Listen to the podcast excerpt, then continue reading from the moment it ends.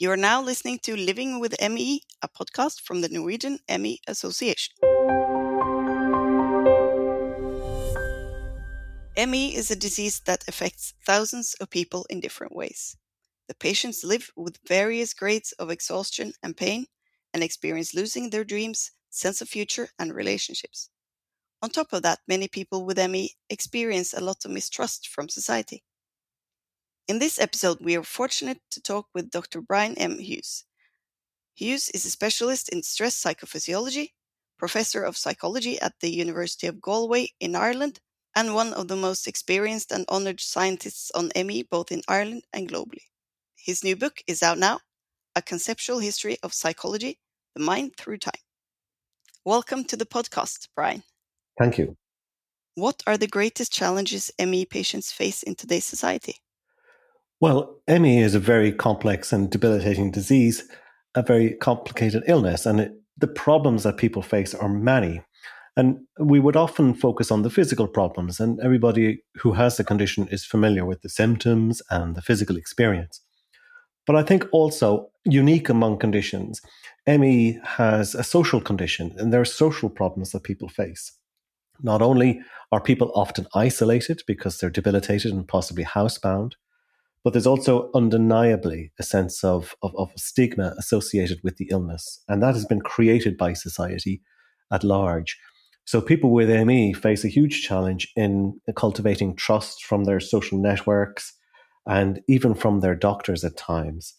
Uh, and there are just so many uh, ways in which um, people are characterized as problem patients or troublesome people rather than people who have a physical illness uh, on many occasions, people's uh, ME symptoms are, are sometimes disbelieved.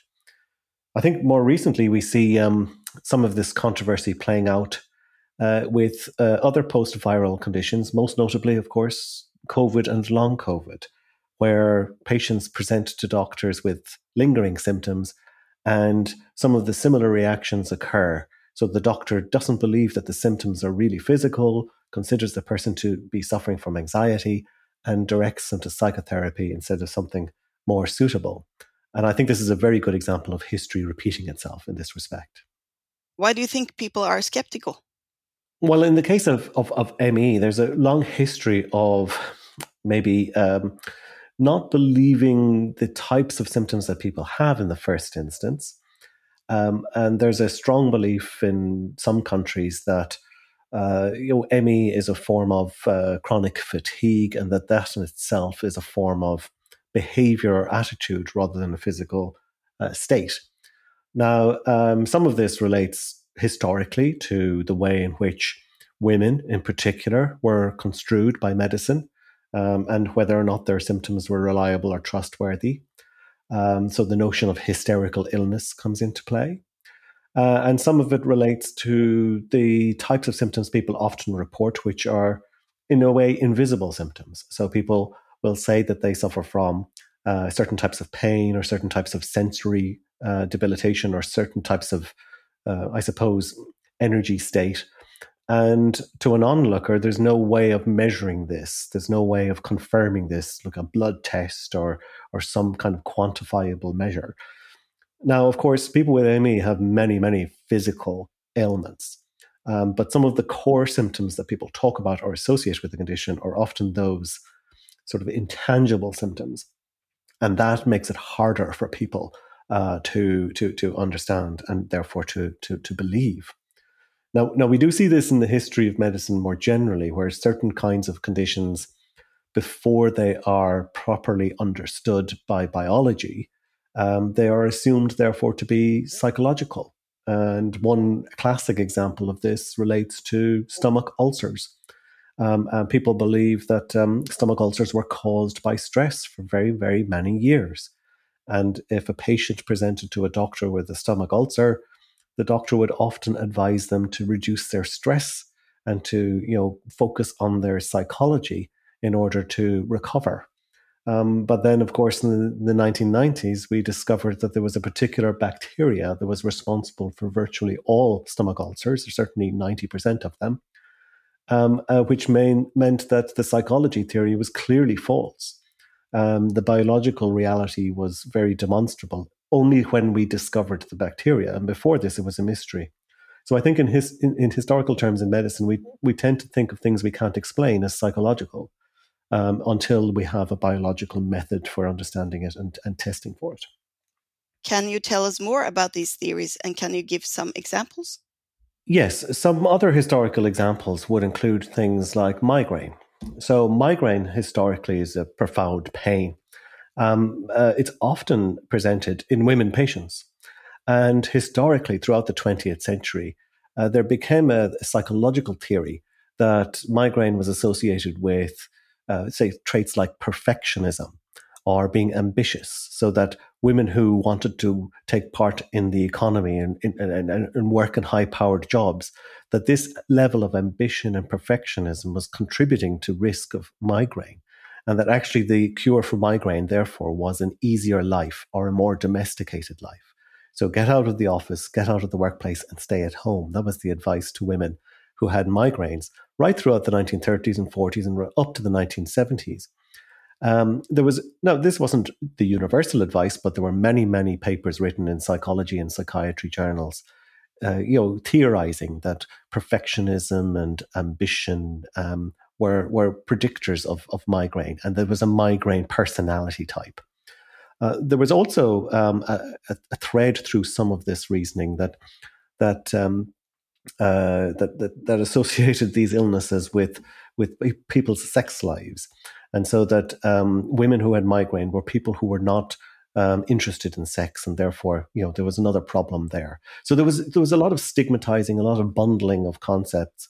But migraine was a classic example of a condition that was considered to be psychosomatic for very many years, and it's intertwined with the idea that women, in particular, were trying to do too much, and that therefore, you know, social conservative norms would say the best thing for women would be to stay at home and medicine was agreeing with them because of these psychosomatic consequences. And I can give you a second example as well. I mean, in the 1980s, um, when AIDS, when HIV, AIDS, what we now know to be HIV, um, first emerged or became commonly um, recognized, for a long time, and, and, and for people who weren't alive at the time, it's hard to imagine now, but for a long time, uh, AIDS was a mystery illness. It wasn't clear what was causing illness. And what was most obvious to people in general were the were the types of patients who would end up with AIDS. Um, and uh, so the gay community, um, people who used intravenous drugs, um, and hemophiliacs. Uh, these were these were the types of people who were getting AIDS. Um, and before we understood that there was a virus involved, it was a medical mystery to some extent. Now, many doctors would have assumed there must be some virus there. So this is why science went looking for the virus. But other medical doctors began to think maybe there were some other causes. And there were a few psychology types of people, psychoanalysts in particular, who put forward a different type of theory of how AIDS was caused. And they, they concluded that it had something to do with homosexuality and it had something to do with people's uh, psychological experience of life. And they pointed out that in the 1980s, there was a, a rise of, of conservatism in many Western countries. Ronald Reagan was elected president of the United States, for example, and that this um, heralded an era of, of, of guilt for people who were who were who were, were gay, uh, because there was an increase in homophobia in general society, or at least an increase in social conservatism. And so the theory was published and emerged that maybe AIDS was the result of that guilt, that people were turning aggression towards themselves because they were guilty uh, and, and shame, ashamed of being gay. Now, of course, that theory seems preposterous to us today, but it was a published theory and it was read and understood and, and to some extent discussed. Um, but uh, of course, when the HIV virus was discovered, that theory just disappeared. Um, so, uh, again, it's another example of how a medical mystery arises and psychologists come forward and say, we can understand it's psychological, not physical. Um, that's not necessarily logical, but it is a problem that arises repeatedly through the history of medicine. Like ME, these diseases more often affect women or other marginalized people. Do you think we retort to these explanations easier when the sick aren't white heterosexual men? I think there is an interesting issue there and an interesting problem for medicine, uh, not just historically, but in contemporary practice too. And we know that in a lot of countries, in Western countries in particular, people from ethnic minorities are more likely, statistically speaking, to be referred for psychiatric consultation or to appear in the psychiatric services. And there are many people who feel this is evidence that medicine tends to consider the majority population or the privileged population as normal and everything else as deviating from normal. But this might not be the case at all. So, for example, in some countries in Europe, um, uh, being emotionally expressive is very important and it's very um, ordinary. So, if somebody is upset, it is considered highly appropriate for them to exhibit this distress publicly. But in other European countries, um, it is considered more appropriate to stay quiet and reserved and to contain your stress. So sometimes how we express our emotions differs depending on the culture. And when people move around from one country to another, one society to another, they can sometimes behave in ways that don't conform to the wider culture, but it's not because of any mental problem. It's just a cultural difference. But medicine seems to be poor at understanding that type of issue. And we end up with different sort of diagnostic conclusions being drawn um, for different groups in society without taking account of the fact that there's maybe a wider cultural context. The same thing happens with women's health. A lot of the research that's being done on women, on, on people's, on humans' health is done on men. And if you take the example of cardiovascular disease, which is a major illness that contributes to um, um, mortality around the world, it's the leading cause of premature death in the world. Much of the research is done on men, and much of the medical understanding is based on the research that has been done on men. And we don't therefore see the same type of medicine being applied to women as to men. And one of the consequences of that is, for example, if a woman appears before a, pr- a primary care physician with chest pain, uh, she is a lot less likely to be referred to a cardiologist than a man is, even though chest pain in women is just as dangerous as chest pain in men. So statistically, we see that when, when men have chest pain, they get sent to a cardiologist, whereas when women present with chest pain, they're more likely to be sent to a psychologist or a psychiatrist or something else. So uh, this has real consequences for people's well being, but there seems to be a stereotype in play that if men have pain, it must be serious. Whereas if women have pain, you know, there might be some other explanation. It could be anxiety. Uh, we even see in cardiovascular uh, medicine, we even see that uh, if, if, if a person collapses on the street, um, if they're a man, they're far more likely to get CPR than if they're a woman. Uh, so the data on this has been published um, from the United States just a couple of years ago. I think it's something like you're twice as likely to get CPR if you're a man than if you're a woman.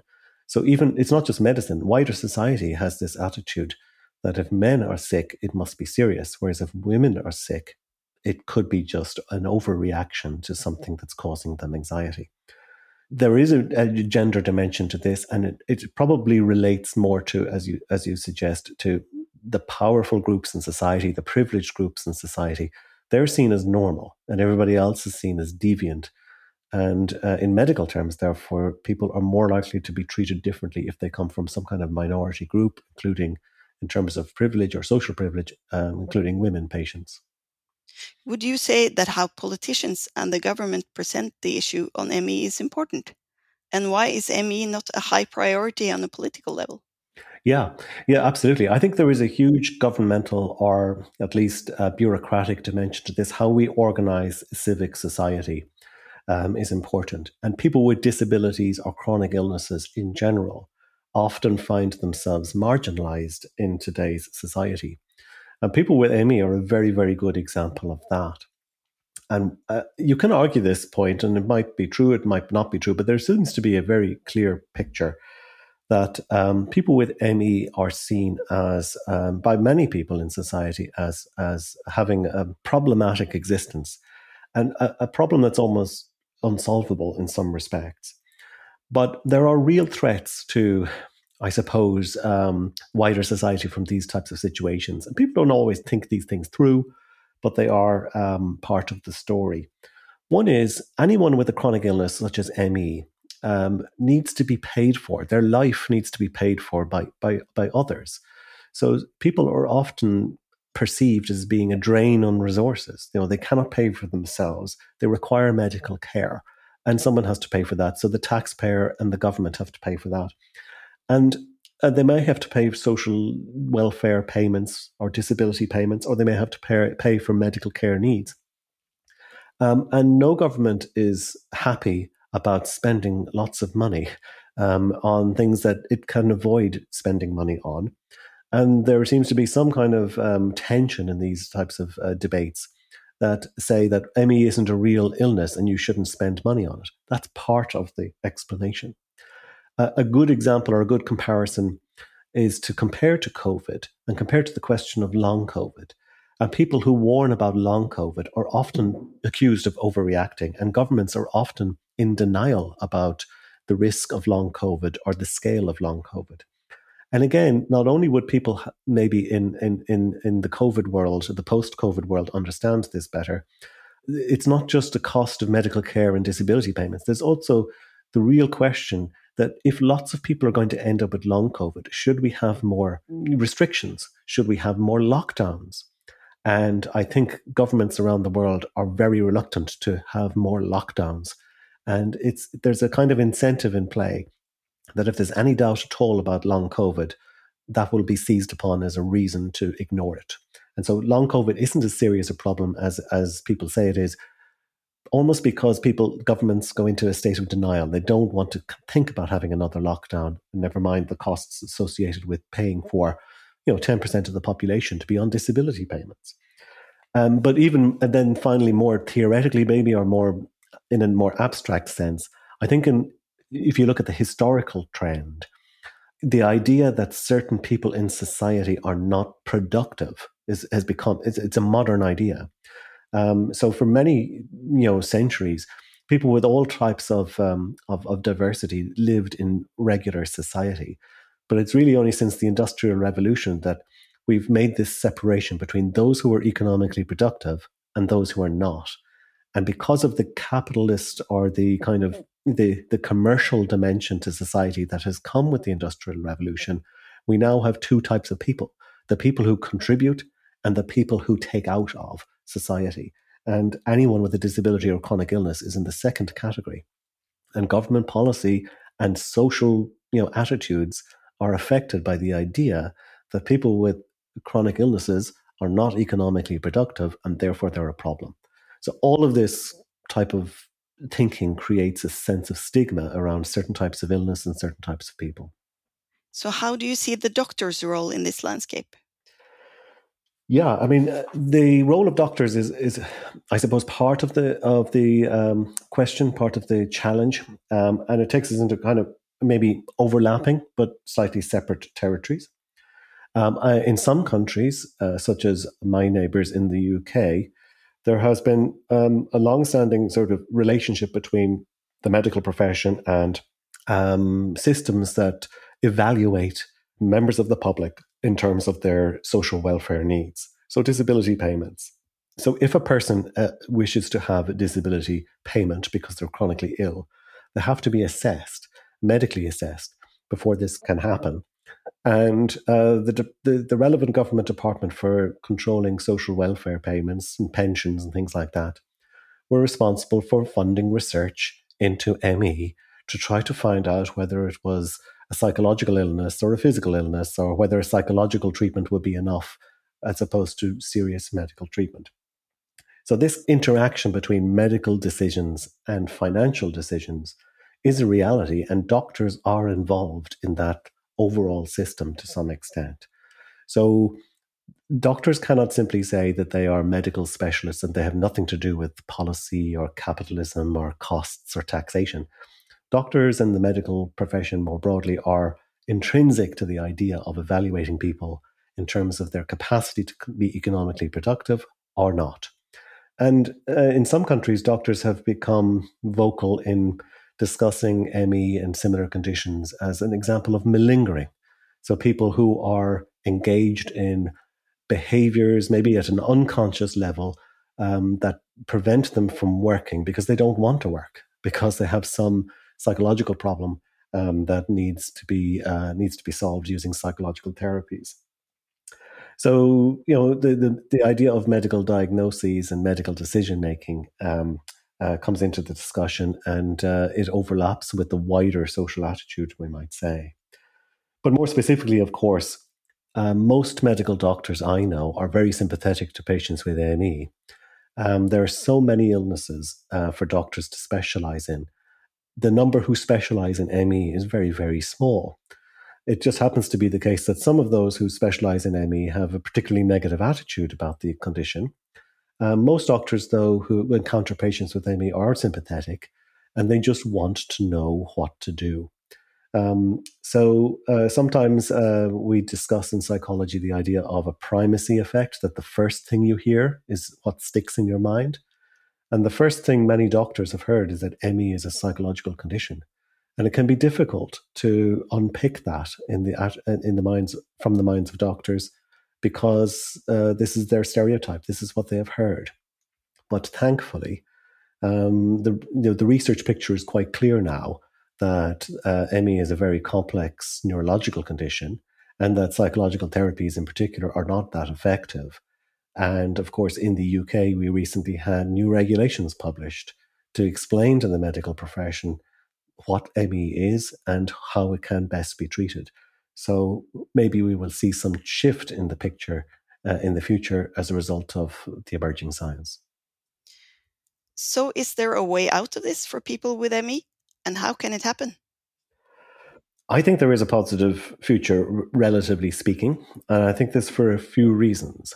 One is, as a psychologist, I'm very well aware that uh, uh, many psychologists and mental health professionals are concerned about good and bad science and the problem of bad science. And there has never been as much attention given to the question of error in psychology. So I think psychologists as a profession have changed their minds on ME. It's a small number of predominantly older psychologists who are stuck in the old way of thinking. But now there is much greater awareness and much greater understanding that just because some senior psychologists believe something, it doesn't make it true. So the question of evidence and the quality of research evidence is hugely important to psychologists and mental health professionals. So I see that as a big shift in my field that is very much in a favorable direction in terms of how seriously ME patients are taken. I also think that in terms of uh, the way in which long COVID has come into the discussion, is something that helps ME patients. Uh, ME used to be seen uh, as a, a, somewhat invisible illness. But one thing we can say about COVID, uh, given after the global pandemic, is that it certainly isn't an invisible illness. COVID is a very visible illness. It has disrupted the whole world for a number of years. And the idea that long COVID exists is widely understood and is something that people talk about all over the world. Uh, that level of attention and focus on the prospect of such a condition is something that can only help people with ME to be heard and to be recognized because the long COVID concept is something that has penetrated society and culture. So I think this opens the door for people with ME to say, this is the life we have. This is the type of condition we have. We're not alone.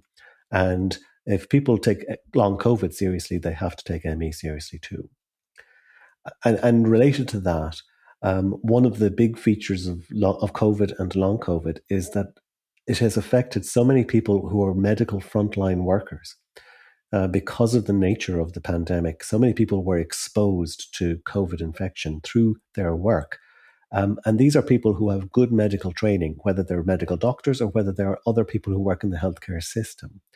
So we have not only lots of people who have personal experience of long COVID, but we have lots of doctors who have personal experience of long COVID and lots of medical scientists who have personal experience of long COVID. And they certainly understand that this isn't a psychological condition that they have. And that is, if you like, an understanding of the reality of post viral uh, conditions like ME and long COVID that is now inside the medical bubble as opposed to outside in wider society in an invisible illness. So I'm optimistic that that level of exposure and that level of understanding in wider society and within the medical and healthcare professions um, is something that has educated people about the reality of ME uh, as well as the reality of long COVID. So I'm optimistic in that sense. I suppose as an academic, I would have to balance that to some extent. Um, while I'm optimistic that things are becoming more sophisticated and more logical as we go forward, we also see from history that uh, th- things don't always rest on logic and sophistication, and there can be pushback and there can be denial. And I think we all recognize after the pandemic that around the world, lots of people just want to forget about the pandemic. They want to move on. They want to go back to what what life was like before. And there's always that resistance to new knowledge. People sometimes are threatened by it, and you know maybe um, you know there are certain kind of vested interests that just want things to be back the way they were before and there will be some resistance to new ideas and new science. This is this is always the way but we learn from history that even though that resistance comes forward it's always overcome and science always progresses in the end. Thank you for a very interesting talk and new perspectives brian. Thank you. My name is margrethe gustavsen thank you for listening